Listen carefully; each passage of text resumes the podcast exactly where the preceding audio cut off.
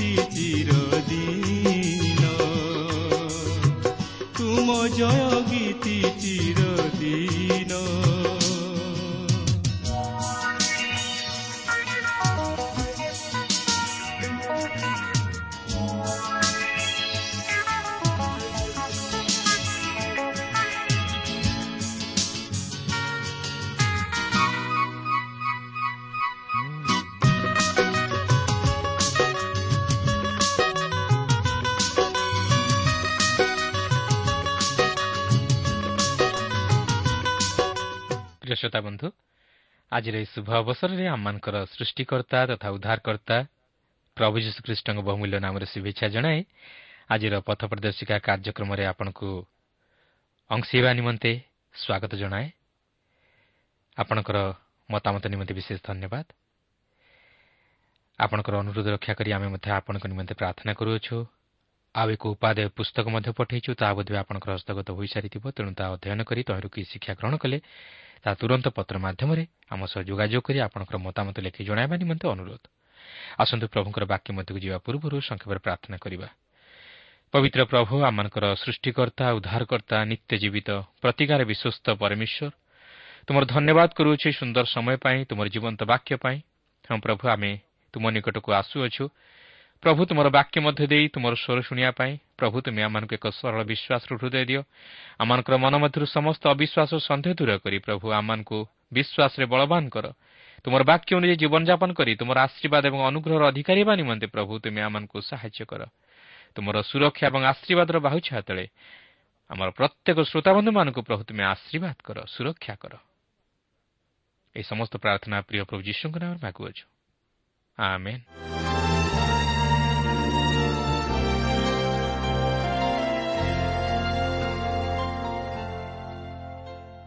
ଆସନ୍ତୁ ତାହେଲେ ବର୍ତ୍ତମାନ ଆମେ ପ୍ରଭୁଙ୍କର ବାକ୍ୟ ମଧ୍ୟକୁ ଯିବା।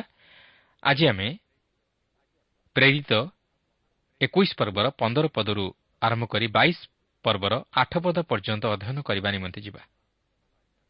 ତେବେ ଗତ ପାଠରେ ଆମେ ପାଉଲଙ୍କ ସମ୍ପର୍କରେ ଯେଉଁ ସମସ୍ତ ବିଷୟ ଆଲୋଚନା କରିଥିଲୁ ତାହା ଆପଣ ସ୍ପଷ୍ଟ ଭାବେ ବୁଝିପାରିଥିବେ ବୋଲି ମୋର ବିଶ୍ୱାସ।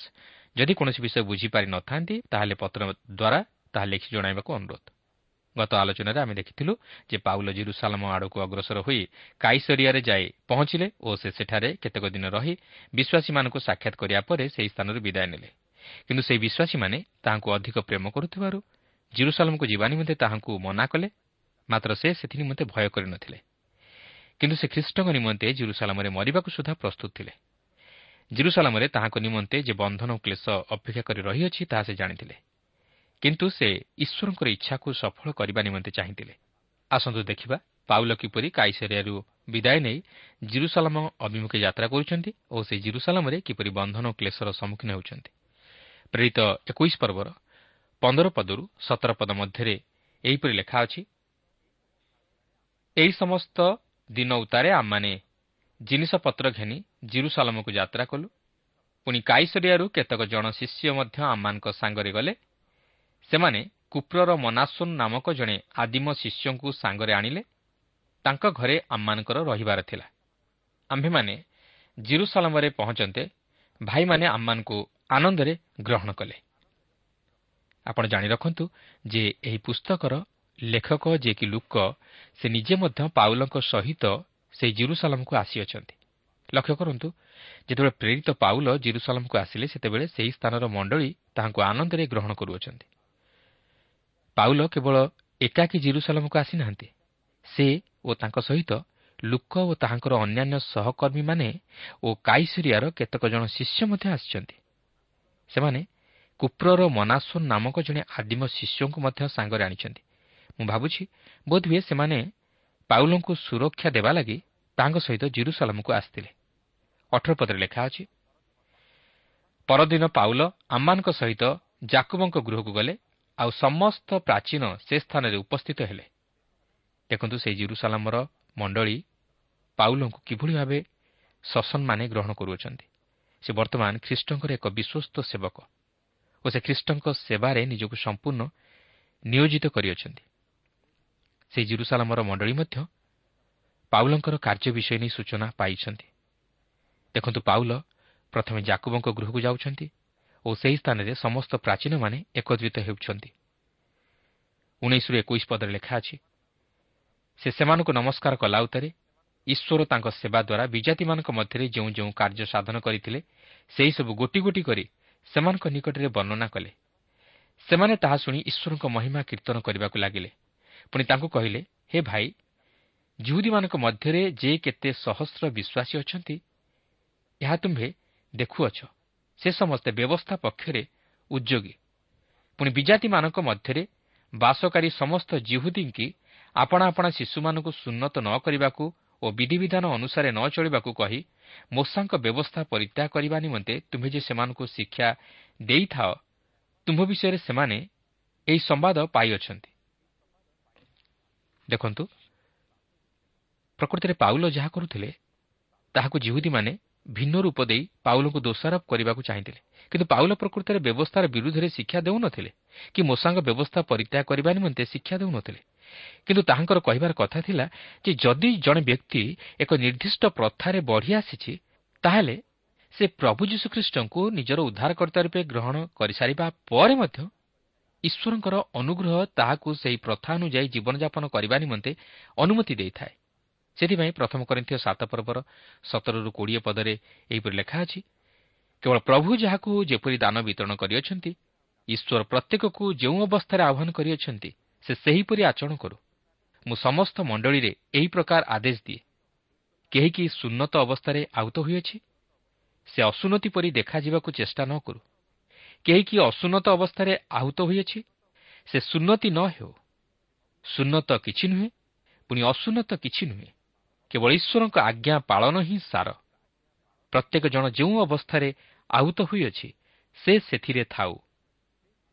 ତେବେ ଘଟଣାଟି ହେଉଛି ଯେ ଜିରୁସାଲାମରେ ଜୁହୁଦୀମାନେ ଯେଉଁମାନେ କି ପ୍ରଭୁ ଯୀଶୁଖ୍ରୀଷ୍ଟଙ୍କୁ ଗ୍ରହଣ କରୁଥିଲେ ସେମାନେ ମୂଷାଙ୍କ ବ୍ୟବସ୍ଥାକୁ ଛାଡ଼ି ପାରୁନଥିଲେ କିମ୍ବା ମୂଷାଙ୍କ ବ୍ୟବସ୍ଥାକୁ ଉପେକ୍ଷା କରୁନଥିଲେ ଏବଂ ଏଥିସହିତ ସେହି ଜିହୁଦୀୟ ବିଶ୍ୱାସୀମାନେ ବିଜାତୀୟମାନଙ୍କ ମଧ୍ୟରୁ ଯେଉଁମାନେ ଖ୍ରୀଷ୍ଟଙ୍କଠାରେ ବିଶ୍ୱାସ କରି ଖ୍ରୀଷ୍ଟଙ୍କର ନିକଟବର୍ତ୍ତୀ ହେଉଥିଲେ ସେମାନଙ୍କୁ ମୂଷାଙ୍କ ବ୍ୟବସ୍ଥାର ଅଧୀନ କରାଇବା ନିମନ୍ତେ ବାଧ୍ୟ କରୁଥିଲେ।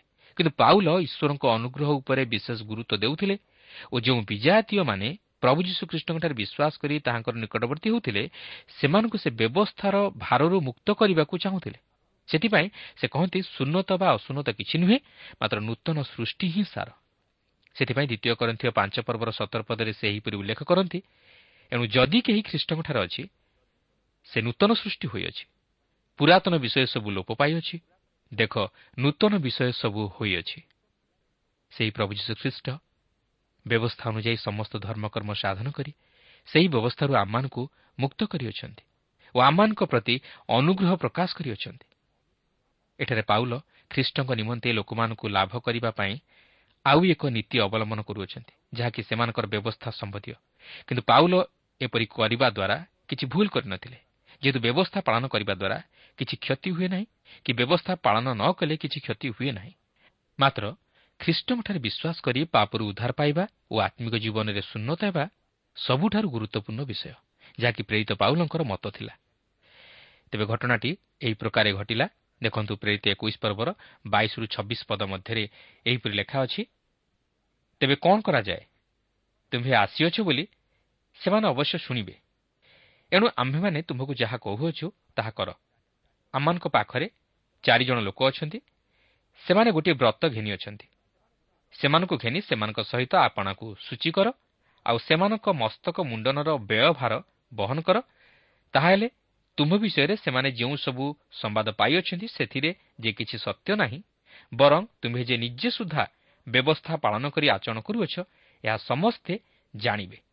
କିନ୍ତୁ ଯେଉଁ ବିଜାତିମାନେ ବିଶ୍ୱାସୀ ହୋଇଅଛନ୍ତି ସେମାନଙ୍କ ସମ୍ବନ୍ଧରେ ପ୍ରତିମା ନିକଟରେ ଉତ୍ସର୍ଗୀକୃତ ପ୍ରସାଦ ରକ୍ତ ଶ୍ୱାସରୋଧ ଦ୍ୱାରା ମୃତ ପ୍ରାଣୀର ମାଂସ ଆଉ ପରଦାରଠାରୁ ଆପଣା ଆପଣାକୁ ପୃଥକ ରଖିବା ଯେ ଉଚିତ ଏହା ଆମେମାନେ ବିଚାର କରି ଲେଖିଅଛୁ।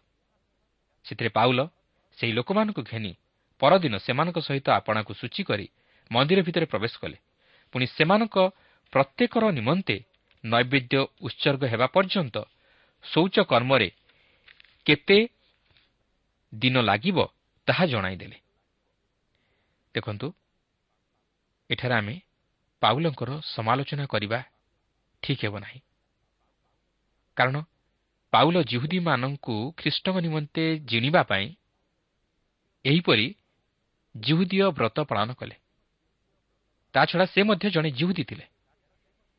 କିନ୍ତୁ ଯଦି ସେ ବିଜାତୀୟ ହୋଇଥାନ୍ତେ ତାହେଲେ ଘଟଣା ହୁଏତ ଭିନ୍ନ ପ୍ରକାରର ହୋଇଥାନ୍ତା। ସେଥିପାଇଁ ପ୍ରଥମ କରିଥିବା ନଅ ପର୍ବର ଉଣେଇଶରୁ ତେଇଶ ପଦରେ ଏହିପରି ଲେଖା ଅଛି କାରଣ ଯେପରି ମୁଁ ଅଧିକ ସଂଖ୍ୟକ ଲୋକ ଲାଭ କରିପାରେ ଏଥିପାଇଁ ମୁଁ କାହାରି ଅଧୀନ ନ ହେଲେ ନିଜକୁ ସମସ୍ତଙ୍କ ଦାସ କଲି। ଯେପରି ମୁଁ ଜିହୁଦୀମାନଙ୍କୁ ଲାଭ କରିପାରେ ଏଥିପାଇଁ ଜିହୁଦୀମାନଙ୍କ ନିକଟରେ ମୁଁ ଜିହୁଦୀ ପରି ହେଲି। ଯେପରି ବ୍ୟବସ୍ଥା ଅଧୀନରେ ଥିବା ଲୋକମାନଙ୍କୁ ଲାଭ କରିପାରେ ଏଥିପାଇଁ ମୁଁ ବ୍ୟବସ୍ଥାର ଅଧୀନ ନ ହେଲେ ସୁଦ୍ଧା ବ୍ୟବସ୍ଥା ଅଧୀନ ଲୋକମାନଙ୍କ ନିକଟରେ ବ୍ୟବସ୍ଥା ଅଧୀନର ପରି ହେଲି। ଯେପରି ମୁଁ ବ୍ୟବସ୍ଥା ବିହୀନ ଲୋକମାନଙ୍କୁ ଲାଭ କରିପାରେ ଏଥିପାଇଁ ମୁଁ ଈଶ୍ୱରଙ୍କ ବ୍ୟବସ୍ଥା ବିହୀନ ନ ହୋଇ ଖ୍ରୀଷ୍ଟଙ୍କ ବ୍ୟବସ୍ଥାର ଅନୁଗତ ହେଲେ ହେଁ। ବ୍ୟବସ୍ଥା ବିହୀନ ଲୋକମାନଙ୍କ ନିକଟରେ ବ୍ୟବସ୍ଥା ବିହୀନ ପରି ହେଲି। ଯେପରି ମୁଁ ଦୁର୍ବଳମାନଙ୍କୁ ଲାଭ କରିପାରେ ଏଥିପାଇଁ ମୁଁ ଦୁର୍ବଳମାନଙ୍କ ନିକଟରେ ଦୁର୍ବଳ ପରି ହେଲି। ଯେପରି ମୁଁ ଯେକୌଣସି ପ୍ରକାରେ କେତେକଙ୍କୁ ରକ୍ଷା କରିପାରେ ଏଥିପାଇଁ ମୁଁ ସମସ୍ତଙ୍କ ନିକଟରେ ସବୁ ପ୍ରକାର ହୋଇଅଛି। ମୁଁ ଯେପରି ସୁଷମାଚାରର ଆଶୀର୍ବାଦର ସହଭାଗୀ ହୁଏ ଏଥିପାଇଁ ମୁଁ ସୁଷମାଚାର ନିମନ୍ତେ ସବୁ କରେ। ଏଥିରୁ ଆମେ ପାଉଲଙ୍କର ବାସ୍ତବ ଉଦ୍ଦେଶ୍ୟ ଓ ମନୋଭାବକୁ ଜାଣିବାକୁ ପାରୁଛୁ। ସେ ବ୍ୟବସ୍ଥାକୁ ଉପେକ୍ଷା କରୁନଥିଲେ କି ବ୍ୟବସ୍ଥା ପାଳନ କରିବାକୁ ବାଧ୍ୟ କରୁନଥିଲେ ମାତ୍ର ସେ ଯେପରି ଖ୍ରୀଷ୍ଟଙ୍କ ନିମନ୍ତେ ଅନେକଙ୍କୁ ଲାଭ କରିପାରନ୍ତି ଏଥି ନିମନ୍ତେ ବ୍ୟବସ୍ଥା ଅଧୀନରେ ଥିବା ଲୋକମାନଙ୍କ ନିକଟରେ ବ୍ୟବସ୍ଥା ଅଧୀନର ପରି ହେଲେ ଓ ବ୍ୟବସ୍ଥା ବିହୀନ ଲୋକମାନଙ୍କ ନିକଟରେ ବ୍ୟବସ୍ଥା ବିହୀନର ପରି ହେଲେ ଅର୍ଥାତ୍ ସରଳ ଭାବେ ବୁଝିବାକୁ ଗଲେ ସେ ଜିହୁଦୀମାନଙ୍କ ନିକଟରେ ଜିହୁଦୀୟ ପରି ହେଲେ ଓ ବିଜାତୀୟମାନଙ୍କ ନିକଟରେ ଜଣେ ବିଜାତୀୟ ପରି ହେଲେ। କିନ୍ତୁ ଏହାର ଅର୍ଥ ନୁହେଁ ଯେ ସେ ସେମାନଙ୍କର ବିଶ୍ୱାସ ମତ ବା କାର୍ଯ୍ୟକଳାପକୁ ଅନୁକରଣ କଲେ। ମାତ୍ର ସେମାନଙ୍କୁ ଖ୍ରୀଷ୍ଟଙ୍କ ନିମନ୍ତେ ଲାଭ କରିବା ପାଇଁ ସେମାନଙ୍କ ସହିତ ନିଜକୁ ଖାପ ଖୁଆଇ ଚଳିବା ନିମନ୍ତେ ଚେଷ୍ଟା କଲେ। ତେଣୁ ଜିହୁଦୀୟ ବ୍ରତ ପାଳନ କରିବା ଦ୍ୱାରା ପାଉଲ କିଛି ଭୁଲ କରିନଥିଲେ। ସେ ଯେ ଏହା ପାଳନ କରିବା ଦ୍ୱାରା ବ୍ୟବସ୍ଥା ପାଳନ କରିବା ଉପରେ ଗୁରୁତ୍ୱ ଦେଇଥିଲେ ତାହା ନୁହେଁ। ମାତ୍ର ଖ୍ରୀଷ୍ଟଙ୍କ ନିମନ୍ତେ ଅନେକ ଜିହୁଦୀମାନଙ୍କୁ ଲାଭ କରିବା ନିମନ୍ତେ ସେ ସେହିପରି କରିବାକୁ ବାଧ୍ୟ ହେଲେ ଯେପରି ସୁଷମାଚାର ପ୍ରଚାର କାର୍ଯ୍ୟ ବାଧାପ୍ରାପ୍ତ ନ ହୁଏ। ପ୍ରିୟ ବନ୍ଧୁ ଈଶ୍ୱର ଆପଣଙ୍କୁ କୌଣସି ମାନତ ବା ବ୍ରତ ପାଳନ କରିବାକୁ କହନ୍ତି ନାହିଁ। କିନ୍ତୁ ଆପଣ ଯଦି ତାହା କରିବାକୁ ଚାହାନ୍ତି ତାହା କରିପାରନ୍ତି। କିନ୍ତୁ ଆପଣ ମନେ ରଖିବା ଉଚିତ ଯେ ଆପଣ ନିଜର ଧର୍ମକର୍ମ ଦ୍ୱାରା ଉଦ୍ଧାର ପାଇପାରିବେ ନାହିଁ। ମାତ୍ର ଈଶ୍ୱରଙ୍କ ଅନୁଗ୍ରହ ଦ୍ୱାରା ହିଁ ଉଦ୍ଧାର ପାଇବେ। ତାହା ନ ହୋଇଥିଲେ ପ୍ରଭୁ ଯୀଶୁଖ୍ରୀଷ୍ଟ ଏହି ଜଗତକୁ ଆସି ଆପଣଙ୍କର ପାପ ଓ ମୋହର ପାପ ନିମନ୍ତେ ସେହି କୃଷ୍ୟ ମୃତ୍ୟୁଭୋଗ କରିବା ଆବଶ୍ୟକ ହୋଇନଥାନ୍ତା। କାରଣ ପରିତ୍ରାଣ ହେଉଛି ଈଶ୍ୱରଙ୍କର ଅନୁଗ୍ରହର ଦାନ। ତାହା ଆମମାନଙ୍କର ଧର୍ମକର୍ମ ହେତୁ ନୁହେଁ ମାତ୍ର ଖ୍ରୀଷ୍ଟଙ୍କଠାରେ ବିଶ୍ୱାସ କରି ତାହାଙ୍କୁ ନିଜ ହୃଦୟରେ ଉଦ୍ଧାରକର୍ତ୍ତା ରୂପେ ଗ୍ରହଣ କରିବା ଦ୍ୱାରା। କାରଣ କୌଣସି ମନୁଷ୍ୟ ବ୍ୟବସ୍ଥା ପାଳନ ହେତୁ ଧାର୍ମିକ ଗଣିତ ହୋଇପାରି ନାହିଁ କି ହୋଇ ମଧ୍ୟ ପାରିବ ନାହିଁ। କାରଣ ଧାର୍ମିକ କେହି ନାହିଁ ହଁ ଜଣେ ହିଁ ନାହିଁ। କାରଣ ସମସ୍ତେ ପାପ କରିଅଛନ୍ତି ଓ ଈଶ୍ୱରଙ୍କ ମହିମାରୁ ଉଣା ପଡ଼ିଅଛନ୍ତି ବୋଲି ପବିତ୍ର ବାଇବଲ କହେ। ବର୍ତ୍ତମାନ ଲକ୍ଷ୍ୟ କରିବାର ବିଷୟ ହେଉଛି ପାଉଲ ଜିରୁସଲମ ମନ୍ଦିର ମଧ୍ୟରେ ଅଛନ୍ତି ଓ କେତେକ ସମସ୍ୟାର ସମ୍ମୁଖୀନ ହେଉଛନ୍ତି। ଦେଖନ୍ତୁ ସତେଇଶ ଓ ଅଠେଇଶ ପଦରେ ଏହିପରି ଲେଖା ଅଛି ସେହି ସାତ ଦିନ ପ୍ରାୟ ସମ୍ପୂର୍ଣ୍ଣ ହୋଇ ଆସିଲେ ଆସିଆର ଜିହୁଦୀମାନେ ମନ୍ଦିରରେ ତାଙ୍କୁ ଦେଖି ଲୋକସମୂହକୁ ଉତ୍ତେଜିତ କଲେ। ପୁଣି ତାଙ୍କୁ ଧରି ଚିତ୍କାର କରି କହିବାକୁ ଲାଗିଲେ ହେ ଇସ୍ରାଏଲ୍ ଲୋକମାନେ ସାହାଯ୍ୟ କର ଯେଉଁ ଲୋକଟା ସବୁ ସ୍ଥାନରେ ଆମମାନଙ୍କ ଜାତି ବ୍ୟବସ୍ଥା ଓ ଏହି ସ୍ଥାନ ବିପକ୍ଷରେ ସମସ୍ତଙ୍କୁ ଶିକ୍ଷା ଦିଏ ସେ ଏହି। ଆହୁରି ମଧ୍ୟ ସେ ମନ୍ଦିର ଭିତରକୁ ଗ୍ରୀକ୍ମାନଙ୍କୁ ସୁଦ୍ଧା ଆଣି ଏହି ପବିତ୍ର ସ୍ଥାନକୁ ଅସୂଚୀ କରିଅଛି। ଦେଖନ୍ତୁ ଏହି ଜିହୁଦୀ ଲୋକମାନେ ପାଉଲଙ୍କୁ ସନ୍ଦେହ କରି ଓ ତାହାଙ୍କ ବିଷୟ ନେଇ ଭୁଲ ସୂଚନା ପାଇ ସେମାନେ ତାହାଙ୍କୁ ଦୋଷାରୋପ କରୁଅଛନ୍ତି। ଅଣତିରିଶ ପଦରେ ଲେଖା ଅଛି କାରଣ ସେମାନେ ପୂର୍ବେ ନଗର ମଧ୍ୟରେ ଏଫିସର ତ୍ରଫିମଙ୍କୁ ପାଉଲଙ୍କ ସାଙ୍ଗରେ ଦେଖିଥିଲେ ଆଉ ସେ ତାଙ୍କୁ ମନ୍ଦିର ଭିତରକୁ ଆଣିବେ ବୋଲି ଅନୁମାନ କରୁଥିଲେ। ଦେଖନ୍ତୁ ପାଉଲ ଜଣେ ଜିହୁଦୀ ହିସାବରେ ଓ ସେ ସେହି ସମ୍ପ୍ରଦାୟ ମଧ୍ୟରେ ବଢ଼ିଥିବାରୁ ମନ୍ଦିର ମଧ୍ୟକୁ ଯିବା ତାହାଙ୍କର ଅଧିକାର ଥିଲା। ଏଫିସର ତ୍ରଫିମ ଯିଏକି ଜଣେ ବିଜାତୀୟ ହେଲେ ସୁଦ୍ଧା ପାଉଲଙ୍କ ପ୍ରଚାରରେ ପରିବର୍ତ୍ତିତ ହୋଇ ଖ୍ରୀଷ୍ଟଙ୍କଠାରେ ବିଶ୍ୱାସ କରି ସେହି ଅନୁଗ୍ରହର ଅଧିକାରୀ ହୋଇଥିବାରୁ ତାହାଙ୍କର ମଧ୍ୟ ସେହି ମନ୍ଦିର ମଧ୍ୟରେ ପ୍ରବେଶ କରିବା ନିମନ୍ତେ କୌଣସି ପ୍ରତିବାଧା ନଥିଲା। ଯଦି ସେ ପ୍ରବେଶ କରିବାକୁ ଇଚ୍ଛା କରିଥାନ୍ତେ ଯେହେତୁ ଖ୍ରୀଷ୍ଟଙ୍କଠାରେ ପ୍ରତ୍ୟେକ ବିଶ୍ୱାସୀର ସେହି ସ୍ୱାଧୀନତା ଅଛି। ପ୍ରକୃତରେ ପାଉଲ ଜାଣିଥିଲେ ଯେ ସେ ଯେଉଁ ବ୍ରତ ପାଳନ କରିବାକୁ ଥିଲା ତାହା ପରିତ୍ରାଣ ସାଧନ କରି ନପାରେ କିନ୍ତୁ କେବଳ ଈଶ୍ୱରଙ୍କ ଅନୁଗ୍ରହ ପ୍ରଭୁ ଯୀଶୁଖ୍ରୀଷ୍ଟଙ୍କ ମାଧ୍ୟମରେ ଉଭୟ ଜିହୁଦୀ ଓ ବିଜାତୀୟମାନଙ୍କୁ ଉଦ୍ଧାର କରିପାରିବ। ଏହାପରେ ତିରିଶରୁ ବତିଶ ପଦରେ ଲେଖା ଅଛି ଏଥିରେ ନଗରଯାକ ଚହଳ ପଡ଼ିଗଲା। ଲୋକମାନେ ଏକାଠି ଦୌଡ଼ିଲେ। ପୁଣି ସେମାନେ ପାଉଲଙ୍କୁ ଧରି ମନ୍ଦିର ବାହାରକୁ ଟାଣି ଆଣିଲେ। ଆଉ ସେହିକ୍ଷଣି ଦ୍ୱାର ସବୁ ବନ୍ଦ କରାଗଲା। ପୁଣି ସେମାନେ ତାଙ୍କୁ ମାରି ପକାଇବା ପାଇଁ ଚେଷ୍ଟା କରନ୍ତେ ସମୁଦାୟ ଜିରୁସାଲାମ ଗଣ୍ଡଗୋଳରେ ପରିପୂର୍ଣ୍ଣ ହୋଇଅଛି ବୋଲି ସୈନ୍ୟ ଦଳର ସହସ୍ର ସେନାପତିଙ୍କ ନିକଟକୁ ସମ୍ବାଦ ଆସିଲା। ଏଥିରେ ସେ ସେହିକ୍ଷଣି ସୈନ୍ୟ ଓ ଶତ ସେନାପତିମାନଙ୍କୁ ଘେନି ସେମାନଙ୍କ ନିକଟକୁ ଦୌଡ଼ିଗଲେ। ସେମାନେ ସହସ୍ର ସେନାପତି ଓ ସୈନ୍ୟମାନଙ୍କୁ ଦେଖି ପାଉଲଙ୍କୁ ପ୍ରହାର କରିବାରୁ କ୍ଷାନ୍ତ ହେଲେ। ଲକ୍ଷ୍ୟ କରନ୍ତୁ ପାଉଲଙ୍କ ପ୍ରତି ସେମାନଙ୍କର ମନର ତିକ୍ତତା ଓ ଘୃଣାଭାବ। ଯେହେତୁ ସେ ଶିକ୍ଷା ଦେଉଥିଲେ ଯେ ଜଣେ ମୂଷାଙ୍କ ବ୍ୟବସ୍ଥା ଅନୁଯାୟୀ ଉଦ୍ଧାର ପାଇପାରିବ ନାହିଁ କି ଉଦ୍ଧାର ପାଇବା ନିମନ୍ତେ ମୂଷାଙ୍କ ବ୍ୟବସ୍ଥାକୁ ଅନୁକରଣ କରିବା ଆବଶ୍ୟକ ନାହିଁ ସେଥିହେତୁ ତେବେ ପାଉଲଙ୍କର ସେହି ବ୍ରତ ପାଳନ କରିବା ପଛରେ ଯେଉଁ ମୁଖ୍ୟ ଅଭିପ୍ରାୟ ଥିଲା ତାହା ଯଦିଓ ସମ୍ପୂର୍ଣ୍ଣ ସଫଳ ହୋଇପାରିଲା ନାହିଁ ମାତ୍ର ଏହା ଈଶ୍ୱରଙ୍କର ମହତ ଉଦ୍ଦେଶ୍ୟକୁ ସଫଳ କରିପାରିଥିଲା। ସେହି ଲୋକମାନେ ମଧ୍ୟ ପାଉଲଙ୍କୁ ବଧ କରିଦେଇଥାନ୍ତେ ଯଦି ସହସ୍ର ସେନାପତି ଓ ସୈନ୍ୟମାନେ ସେହି ଗଣ୍ଡଗୋଳକୁ ନିବୃତ୍ତ କରିନଥାନ୍ତେ। ଏହାପରେ ଆମେ ଦେଖିବାକୁ ପାରିବା ଯେ ପାଉଲ ସେହି ବନ୍ଧନରେ ଆବଦ୍ଧ ହେଲେ ଯାହାକି ପବିତ୍ର ଆତ୍ମା ତାହାଙ୍କୁ ପୂର୍ବରୁ ଜଣାଇ ଦେଇଥିଲେ। ତେତିଶ ପଦରେ ଏହିପରି ଲେଖା ଅଛି। ସେତେବେଳେ ସହସ୍ର ସେନାପତି ପାଖକୁ ଆସି ତାଙ୍କୁ ଧରି ଦୁଇଟା ଶିକୁଳିରେ ତାଙ୍କୁ ବାନ୍ଧିବା ପାଇଁ ଆଜ୍ଞା ଦେଲେ। ପୁଣି ସେ କିଏ ଓ କ'ଣ କରିଅଛି ବୋଲି ପଚାରିଲେ। ଦେଖନ୍ତୁ ସେହି ସହସ୍ର ସେନାପତି ପାଉଲଙ୍କ ବିଷୟରେ କିଛି ଜାଣିନଥିବାରୁ ତାହାଙ୍କୁ ଦୁଇଟା ଶିକୁଳିରେ ବାନ୍ଧିବାକୁ ଆଜ୍ଞା ଦେଲେ। ଏହାପରେ ଚଉତିରିଶରୁ ଛତିଶ ପଦରେ ଲେଖା ଅଛି ସେଥିରେ ଲୋକସମୂହ ମଧ୍ୟରୁ କେହି କେହି ଏକଥା କେହି କେହି ସେ କଥା କହି ଚିତ୍କାର କରିବାକୁ ଲାଗିଲେ ଆଉ ସେ ଗଣ୍ଡଗୋଳର କାରଣ ନିଶ୍ଚୟ ରୂପେ କିଛି ଜାଣି ନ ପାରିବାରୁ ତାଙ୍କୁ ଗଡ଼କୁ ଘେନିଯିବା ନିମନ୍ତେ ଆଦେଶ ଦେଲେ। ପୁଣି ଯେତେବେଳେ ସେ ସୋପାନ ଉପରକୁ ଆସିଲେ ସେତେବେଳେ ଲୋକସମୂହର ଉଗ୍ରତା ହେତୁ ସୈନ୍ୟମାନଙ୍କୁ ତାଙ୍କୁ ବୋହି ନେଇଯିବାକୁ ପଡ଼ିଲା। କାରଣ ଅସଂଖ୍ୟ ଲୋକ ପଛରେ ଯାଉ ଯାଉ ତାକୁ ବଧ କରୁ ବୋଲି ଚିତ୍କାର କରୁଥିଲେ।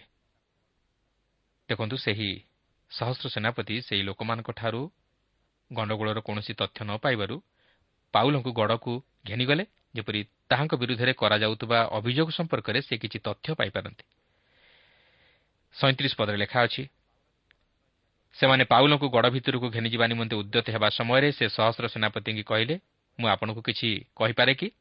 ସେଥିରେ ସେ କହିଲେ ତୁମେ କି ଗ୍ରୀକ୍ ଜାଣ? ସେହି ସହସ୍ର ସେନାପତି ଭାବିଥିଲେ ଯେ ସେ ଜଣେ ସାଧାରଣ ଅପରାଧୀକୁ ବାନ୍ଧିଛନ୍ତି। ମାତ୍ର ସେ ଯେ ଜଣେ ଗ୍ରୀକ୍ ଏହା ଭାବି ସେ ଚମତ୍କୃତ ହୋଇଗଲେ। ତେଣୁ ସହସ୍ର ସେନାପତି ଭାବିଲେ ଯେ ଯେହେତୁ ସେ ଜଣେ ବିଦେଶୀୟ ତେଣୁକରି ସେମାନେ ପାଉଲଙ୍କ ବିରୁଦ୍ଧରେ ସ୍ୱର ଉତ୍ତୋଳନ କରୁଅଛନ୍ତି। ତେବେ ଲକ୍ଷ୍ୟ କରନ୍ତୁ ପାଉଲ ଓ ସହସ୍ର ସେନାପତିଙ୍କ ମଧ୍ୟରେ କିପରି କଥୋପକଥନ ଚାଲିଲା। ଅଠତିରିଶରୁ ଚାଳିଶ ପଦରେ ଲେଖା ଅଛି। ତେବେ ଯେଉଁ ମିଶରୀୟ ଲୋକ ଏଥିପୂର୍ବେ ବିଦ୍ରୋହ ଲଗାଇ ଚାରି ହଜାର ଡକାୟତମାନଙ୍କୁ ପ୍ରାନ୍ତରକୁ ଘେନିଯାଇଥିଲା ତୁମେ କି ସେହି ନୁହଁ? ସେଥିରେ ପାଉଲ କହିଲେ ମୁଁ ତ ଜଣେ ଜିହୁତି ତାର୍ସ ନଗରର ଲୋକ କିଲିକିଆର ଗୋଟିଏ ଅସାମାନ୍ୟ ନଗରୀର ନାଗରିକ। ଏହି ଲୋକମାନଙ୍କୁ କଥା କହିବା ପାଇଁ ମୋତେ ଅନୁମତି ଦେବା ନିମନ୍ତେ ମୁଁ ଆପଣଙ୍କୁ ନିବେଦନ କରୁଅଛି। ସେ ଅନୁମତି ଦେବାରୁ ପାଉଲ ସୋପାନରେ ଠିଆ ହୋଇ ଲୋକମାନଙ୍କୁ ହସ୍ତ ଦ୍ୱାରା ସଂକେତ କଲେ। ଆଉ ସମସ୍ତେ ନିରବ ହେଲା ଉତ୍ତାରେ ସେ ଏବ୍ରି ଭାଷାରେ ସେମାନଙ୍କୁ କହିବାକୁ ଲାଗିଲେ। ପାଉଲ ଗ୍ରୀକ୍ କହନ୍ତି କିନ୍ତୁ ସେ ସହସ୍ର ସେନାପତିଙ୍କୁ କହନ୍ତି ଯେ ସେ ଜଣେ ଜିହୁଦୀ। ତେଣୁ ସହସ୍ର ସେନାପତି ଯେତେବେଳେ ଜାଣିଲେ ଯେ ସେ ଜଣେ ଜିହୁଦୀ ସେତେବେଳେ ସେ ପାଉଲଙ୍କୁ କହନ୍ତି ଠିକ୍ ଅଛି ମୁଁ ଜାଣିନଥିଲି ଯେ ତୁମେ ପ୍ରକୃତରେ କିଏ। ଆଉ ଯଦି ତୁମେ ଜିହୁଦୀ ତାହେଲେ ତୁମ୍ଭେ ଲୋକମାନଙ୍କୁ କିଛି କହିପାର। ତେବେ ପାଉଲ ଯଦିଓ ସେହି ସହସ୍ର ସେନାପତିଙ୍କ ସହିତ ଗ୍ରୀକ୍ ଭାଷାରେ କଥାବାର୍ତ୍ତା କରୁଥିଲେ କିନ୍ତୁ ଯେତେବେଳେ ସେ ସେହି ଜିହୁଦୀୟମାନଙ୍କ ନିକଟରେ କଥା କହିବାକୁ ସୁଯୋଗ ପାଇଲେ ସେତେବେଳେ ସେ ସେମାନଙ୍କର ଆଞ୍ଚଳିକ ଭାଷାରେ ଅର୍ଥାତ୍ ଏବ୍ରି ଭାଷାରେ ସେମାନଙ୍କୁ କଥା କହିବାକୁ ଲାଗିଲେ। ଓ ଯେଉଁ ମୁହୂର୍ତ୍ତରେ ସେ ଏବ୍ରି ଭାଷାରେ କଥା କହିବାକୁ ଆରମ୍ଭ କଲେ ସେହି ମୁହୂର୍ତ୍ତରେ ସେମାନେ ସେହି ଭାଷା ବୁଝିପାରୁଥିବାରୁ ଓ ସେହି ଭାଷାକୁ ଭଲ ପାଉଥିବାରୁ ସେମାନେ ସମସ୍ତେ ତାହାଙ୍କ କଥା ଶୁଣିଲେ। ଏଥିରୁ ଆମେ ଜାଣିବାକୁ ପାରୁଛୁ ଯେ ପାଉଲ ମଧ୍ୟ ବିଭିନ୍ନ ଭାଷାରେ ଦକ୍ଷତା ହାସଲ କରିଥିଲେ ଓ ସେ ଜଣେ ଜ୍ଞାନୀ ତଥା ମେଧାବୀ ଥିଲେ। କିନ୍ତୁ ସେ ଖ୍ରୀଷ୍ଟଙ୍କ ନିମନ୍ତେ ସବୁକିଛିକୁ ସଢ଼ା କୁଟା ବୋଲି ଜ୍ଞାନ କରୁଥିଲେ। ଯେପରି ସେ ଖ୍ରୀଷ୍ଟଙ୍କୁ ଲାଭ କରିପାରନ୍ତି ଓ ନିରୂପିତ ପଥର ଶେଷ ପର୍ଯ୍ୟନ୍ତ ଦୌଡ଼ି ଗୌରବର ମୁକୁଟ ପ୍ରାପ୍ତ ହୋଇପାରନ୍ତି ଓ ତାହା ମଧ୍ୟ ସେ ସଫଳ କଲେ। ଆସନ୍ତୁ ବର୍ତ୍ତମାନ ଆମେ ବାଇଶ ପର୍ବ ମଧ୍ୟକୁ ଯିବା। ଏହି ବାଇଶ ପର୍ବରେ ପାଉଲ ସେହି ଗଣ୍ଡଗୋଳ କରୁଥିବା ଜୁହୁଦୀମାନଙ୍କ ନିକଟରେ କିପରି ସମ୍ବାଦ ପରିବେଷଣ କଲେ ତାହା ଲକ୍ଷ୍ୟ କରିବାକୁ ପାରିବା। ସେ କିପରି ପ୍ରଭୁ ଯୀଶୁଙ୍କର ପରିଚୟ ପାଇବା ସଙ୍ଗେ ସଙ୍ଗେ ପ୍ରଭୁ କିପରି ତାହାଙ୍କୁ କଥା କହିଲେ ଓ ତାଙ୍କର ପ୍ରଚାର କାର୍ଯ୍ୟର ଅନୁଭୂତି ଯାହାକି ତାହାଙ୍କୁ ଜିରୁସାଲାମକୁ କଢ଼ାଇ ଆଣିଛି ତାହା ମଧ୍ୟ ବର୍ଣ୍ଣିତ ହୋଇଅଛି। ଏହାପରେ ପାଉଲ ନିଜକୁ ଜଣେ ରୋମିଓ ବୋଲି ପରିଚୟ ଦେଇ କିପରି ସେହି ବନ୍ଦିତ୍ୱର କଷାଘାତରୁ ମୁକୁଳିତ ହେବା ନିମନ୍ତେ ନିବେଦନ କରିଥିଲେ ତାହା ମଧ୍ୟ ଏହି ବାଇଶ ପର୍ବରେ ଲକ୍ଷ୍ୟ କରିବାକୁ ପାରିବା। କାରଣ ପାଉଲ ମଧ୍ୟ ଜଣେ ରୋମିଓ ନାଗରିକ ଥିଲେ। ଆସନ୍ତୁ ତାହେଲେ ସେହି ନିଷ୍ଠୁର ଜିହୁଦୀମାନଙ୍କ ନିକଟରେ ପାଉଲଙ୍କର ସମ୍ବାଦ କ'ଣ ଥିଲା ତାହା ଲକ୍ଷ୍ୟ କରିବାକୁ ଯିବା। କାରଣ ସେମାନେ ତାହାଙ୍କୁ ଜଣେ ବିଦ୍ରୋହୀ ବୋଲି ଅନୁମାନ କରି ତାହାଙ୍କୁ ବଧ କରିବାକୁ ଚାହିଁଥିଲେ। ତେବେ ଏଠାରେ ମୁଁ ଆପଣଙ୍କୁ ସ୍ମରଣ କରାଇଦିଏ ଯେ ପାଉଲଙ୍କୁ ସୈନ୍ୟମାନେ ସହସ୍ର ସେନାପତିଙ୍କ ଆଦେଶାନୁଯାୟୀ ଗଡ଼ ଭିତରକୁ ଘେନି ଯାଇଛନ୍ତି ଓ ଯେତେବେଳେ ପାଉଲ ସେହି ସହସ୍ର ସେନାପତିଙ୍କ ନିକଟରେ ନିଜକୁ ଜଣେ ଗ୍ରୀକ୍ ଭାଷାବାଦୀ ଜିହୁଦୀ ବୋଲି ପରିଚୟ ଦେଇଛନ୍ତି ଓ ଲୋକମାନଙ୍କୁ କିଛି କହିବା ନିମନ୍ତେ ଅନୁମତି ମାଗିଛନ୍ତି ସେତେବେଳେ ସହସ୍ର ସେନାପତି ତାହାଙ୍କୁ ଲୋକମାନଙ୍କ ସମ୍ମୁଖରେ ଛିଡ଼ା ହୋଇ କଥା କହିବା ନିମନ୍ତେ ଅନୁମତି ଦେଇଛନ୍ତି ଓ ପାଉଲ ସୋପାନ ଉପରେ ଛିଡ଼ା ହୋଇ ଏଭ୍ରି ଭାଷାରେ ଲୋକମାନଙ୍କ ନିକଟରେ ସମ୍ବାଦ ପରିବେଷଣ କରୁଅଛନ୍ତି ତେବେ ସେହି ସମ୍ବାଦ କ'ଣ ଥିଲା ଆସନ୍ତୁ ଏହି ବାଇଶ ପର୍ବରେ ଆମେ ତାହା ଲକ୍ଷ୍ୟ କରିବା। ବାଇଶ ପର୍ବର ପ୍ରଥମ ପଦରେ ଲେଖା ଅଛି ଭ୍ରାତୃ ଓ ପିତୃବୃନ୍ଦ ମୁଁ ବର୍ତ୍ତମାନ ଆପଣମାନଙ୍କ ନିକଟରେ ଯେଉଁ ଆତ୍ମପକ୍ଷ ସମର୍ଥନର କଥା କହୁଅଛି ତାହା ଶ୍ରବଣ କରନ୍ତୁ। ପାଉଲ ଏଠାରେ ଯେଉଁମାନଙ୍କ ନିକଟରେ ଆତ୍ମପକ୍ଷ ସମର୍ଥନର କଥା କହୁଅଛନ୍ତି ସେମାନେ ସେହି ଜିହୁଦୀ ଜାତିର ଲୋକ। ତଥାପି ଏହି ଲୋକମାନେ ପାଉଲଙ୍କୁ ବଧ କରିବାକୁ ଚାହାନ୍ତି। ସେ କ'ଣ ସେମାନଙ୍କୁ ପରିହାସ କରୁଥିଲେ? ନୁହେଁ। କାରଣ ସେ ସେମାନଙ୍କୁ ଭ୍ରାତା ଓ ପିତା ବୋଲି ସମ୍ବୋଧନ କରନ୍ତି ଓ ସେମାନଙ୍କୁ ସମ୍ମାନ ଦିଅନ୍ତି। ବାଇଶ ପର୍ବର ଦୁଇ ପଦରେ ଲେଖା ଅଛି ସେ ସେମାନଙ୍କ ନିକଟରେ ଏବିରି ଭାଷାରେ କଥା କହୁଅଛନ୍ତି ଶୁଣି ସେମାନେ ଅଧିକ ନିରବ ହୋଇ ରହିଲେ। ଦେଖନ୍ତୁ ଯେଉଁ ମୁହୂର୍ତ୍ତରେ ପାଉଲ ଏବ୍ରି ଭାଷାରେ କଥା କହିବାକୁ ଆରମ୍ଭ କଲେ ସେହି ମୁହୂର୍ତ୍ତରେ ସେଠିକାର ପରିବେଶ ଶାନ୍ତ ହୋଇଗଲା। ସେମାନେ ସମସ୍ତେ ନିରବ ହୋଇଗଲେ। ସତେ ଯେପରି ଏକ ପ୍ରଳୟଙ୍କାରୀ ଝଡ଼ ହଠାତ୍ ଶାନ୍ତ ହୋଇଗଲା। କାରଣ ସେମାନେ ଜଣେ ବ୍ୟକ୍ତିଙ୍କଠାରୁ କଥା ଶୁଣିବାକୁ ଯାଉଛନ୍ତି ଯେ କି ସେମାନଙ୍କ ମଧ୍ୟରୁ ଜଣେ। ତେବେ ପାଉଲ ସେମାନଙ୍କ ନିକଟରେ ନିଜର ବ୍ୟକ୍ତିଗତ ଇତିହାସକୁ ଉପସ୍ଥାପିତ କରି ତାହାଙ୍କର ବକ୍ତବ୍ୟ ଆରମ୍ଭ କରୁଅଛନ୍ତି। ବାଇଶ ପର୍ବର ତିନି ପଦରେ ଲେଖା ଅଛି ସେଥିରେ ସେ କହିଲେ ମୁଁ ଜଣେ ଜିହୁଦୀ କିଲିକିଆର ତାର୍ସରେ ମୋର ଜନ୍ମ କିନ୍ତୁ ମୁଁ ଏହି ନଗରରେ ଲାଳିତ ପାଳିତ ହୋଇଅଛି। ଆମମାନଙ୍କ ପିତୃପୁରୁଷଙ୍କ ବ୍ୟବସ୍ଥାର ସୂକ୍ଷ୍ମ ନିୟମ ଅନୁସାରେ ଗମଲିଏଲ୍ଙ୍କ ଚରଣ ତଳେ ବସି ଶିକ୍ଷା ପାଇଅଛି। ଆପଣମାନେ ସମସ୍ତେ ଆଜି ଯେପରି ଉଦ୍ୟୋଗୀ ଅଟନ୍ତି ଈଶ୍ୱରଙ୍କ ପକ୍ଷରେ ମୁଁ ମଧ୍ୟ ସେହିପରି ଉଦ୍ୟୋଗୀ ଥିଲି। ପାଉଲ ସେହି ସମୟରେ ଜିହୁଦୀ ନେତାମାନଙ୍କ ଦ୍ୱାରା ଓ ଧାର୍ମିକ ନେତାମାନଙ୍କ ଦ୍ୱାରା ତାଡ଼ିତ ହେଉଥିଲେ। କିନ୍ତୁ ପାଉଲ ସେମାନଙ୍କ ନିକଟରେ ଜଣେ ଜିହୁଦୀ ବୋଲି ପରିଚୟ ଦେବା ଦ୍ୱାରା ସେମାନଙ୍କୁ ଜଣାଇ ଦେବାକୁ ଚାହାନ୍ତି ଯେ ସେ ମଧ୍ୟ ସେମାନଙ୍କ ମଧ୍ୟରୁ ଜଣେ ଓ ସେ ମଧ୍ୟ ଫାରୁସି ଥିଲେ। ସେହି କାରଣରୁ ସେ ସେମାନଙ୍କ ପ୍ରତି ସମବେଦନା ଜ୍ଞାପନ କରୁଥିଲେ ଓ ସେମାନଙ୍କୁ ପ୍ରେମ କରୁଥିଲେ। କାରଣ ସେ ସେମାନଙ୍କର ମନୋଭାବକୁ ଜାଣିପାରୁଥିଲେ। କିନ୍ତୁ ସେ ସେମାନଙ୍କୁ ନିଜର ପୃଷ୍ଠଭୂମି ପ୍ରଦାନ କରିବାର କାରଣ ହେଉଛି ଯେ ସେ ସେମାନଙ୍କୁ ଖ୍ରୀଷ୍ଟଙ୍କ ନିମନ୍ତେ ଲାଭ କରିବାକୁ ଚାହୁଁଥିଲେ। ପାଉଲଙ୍କର ଏକ ଚମତ୍କାର ପୃଷ୍ଠଭୂମି ଥିଲା। ସେହି ସମୟରେ ତାର୍ସ ପ୍ରକୃତରେ ଗ୍ରୀକ୍ ଶିକ୍ଷାର ପ୍ରଧାନ କେନ୍ଦ୍ରସ୍ଥଳ ଥିଲା। ପାଉଲଙ୍କ ସମୟରେ ସବୁଠାରୁ ସୁନ୍ଦର ଗ୍ରୀକ୍ ବିଶ୍ୱବିଦ୍ୟାଳୟ ଏହି ତାର୍ସରେ ଥିଲା। ଏହି ତାର୍ସ ଏକ ଚିତାକର୍ଷକ ଗ୍ରୀକ୍ ସହର ଏବଂ ଏକ ଶିକ୍ଷାର କେନ୍ଦ୍ରସ୍ଥଳ ରୂପେ ପରିଚିତ ଥିଲା। ତେଣୁ ପାଉଲ ସେହି ନଗରରେ ଲାଳିତ ପାଳିତ ହୋଇଥିବାରୁ ସେ ସେହି ତାର୍ସ ବିଶ୍ୱବିଦ୍ୟାଳୟରେ ଶିକ୍ଷିତ ହୋଇଥିଲେ ଓ ତାହାଙ୍କର ଗ୍ରୀକ୍ ପୃଷ୍ଠଭୂମି ଥିଲା କିନ୍ତୁ ସେ ମଧ୍ୟ ଜିରୁସାଲାମରେ ରହି ଗମଲିଏଲ୍ଙ୍କ ପାଖରେ ବସି ଅଧ୍ୟୟନ କରୁଥିଲେ ଓ ଶିକ୍ଷା କରୁଥିଲେ। ସେ ସେହି ସମୟରେ ଗମଲିଏଲ୍ଙ୍କ ଅଧୀନରେ ରହି ଶିକ୍ଷା କରିବା ସଙ୍ଗେ ସଙ୍ଗେ ବ୍ୟବସ୍ଥା ଶାସ୍ତ୍ର ଜ୍ଞାନରେ ଓ ଏଭ୍ରି ଭାଷାରେ ପାରଦର୍ଶିତା ଲାଭ କରିଥିଲେ ଯାହାକି ତାଙ୍କର ଏହି ପ୍ରଚାର କାର୍ଯ୍ୟରେ ବିଶେଷ ସହାୟକ ହୋଇପାରିଥିଲା। ତେବେ ଦେଖନ୍ତୁ ସେମାନେ ପାଉଲଙ୍କର ପରିଚୟ ପାଇବା ପରେ ତାହାଙ୍କ କଥା ଶୁଣୁଛନ୍ତି ଯାହାକି ଚାରିପଦରେ ଲେଖା ଅଛି।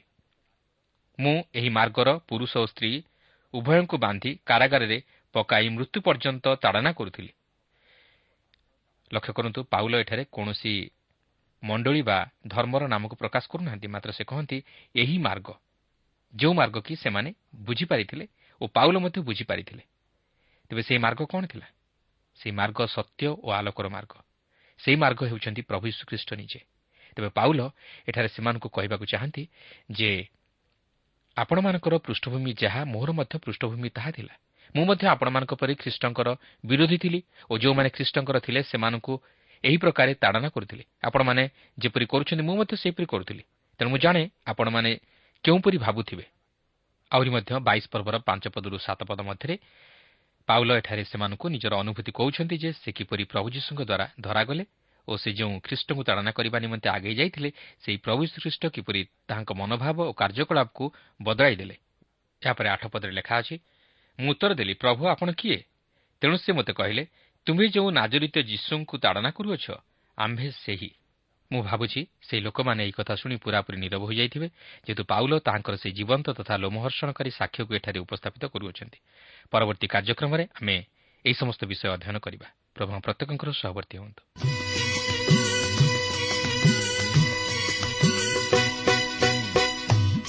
ପଛେ ଦୁଃଖ ରାଶି ଅନ୍ଧକାର ରାତି ରଖିଥିବି ମୁଁ ଯେ ଆଶା ନୀତି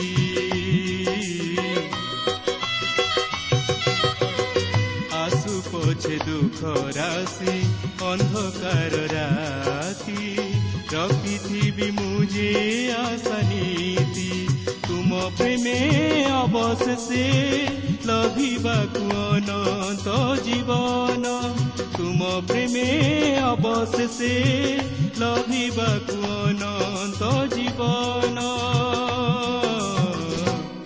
ଗାଉଛି ଗାଇବି ପ୍ରିୟ ଶ୍ରୋତା ଆମର କାର୍ଯ୍ୟକ୍ରମ ନିୟମିତ ଶୁଣୁଥିବାରୁ ଅଶେଷ ଧନ୍ୟବାଦ ଆପଣ ଏହି କାର୍ଯ୍ୟକ୍ରମ ଶୁଣିବା ଦ୍ୱାରା ଆତ୍ମିକ ଜୀବନରେ ଉପକୃତ ହୋଇପାରିଥିବେ ବୋଲି ଆମର ବିଶ୍ୱାସ। ପ୍ରଭୁ ଯୀଶୁଙ୍କ ବିଷୟରେ ଅଧିକ ଜାଣିବାର ଆଗ୍ରହ ଥିଲେ ଅଥବା ଉପାଦେୟ ପୁସ୍ତକର ଆବଶ୍ୟକ ଥିଲେ ଆମ ସହ ଯୋଗାଯୋଗ କରନ୍ତୁ। ଆମର ଠିକଣା ପଥ ପ୍ରଦର୍ଶିକା Trans World Radio India post box number ତିନି ତିନି ଭୁବନେଶ୍ୱର ସାତ ପାଞ୍ଚ ଏକ ଶୂନ ଶୂନ ଏକ। Mobile number nine seven double seven double two one four one five. ଠିକଣାଟି ଆଉଥରେ ଶୁଣନ୍ତୁ।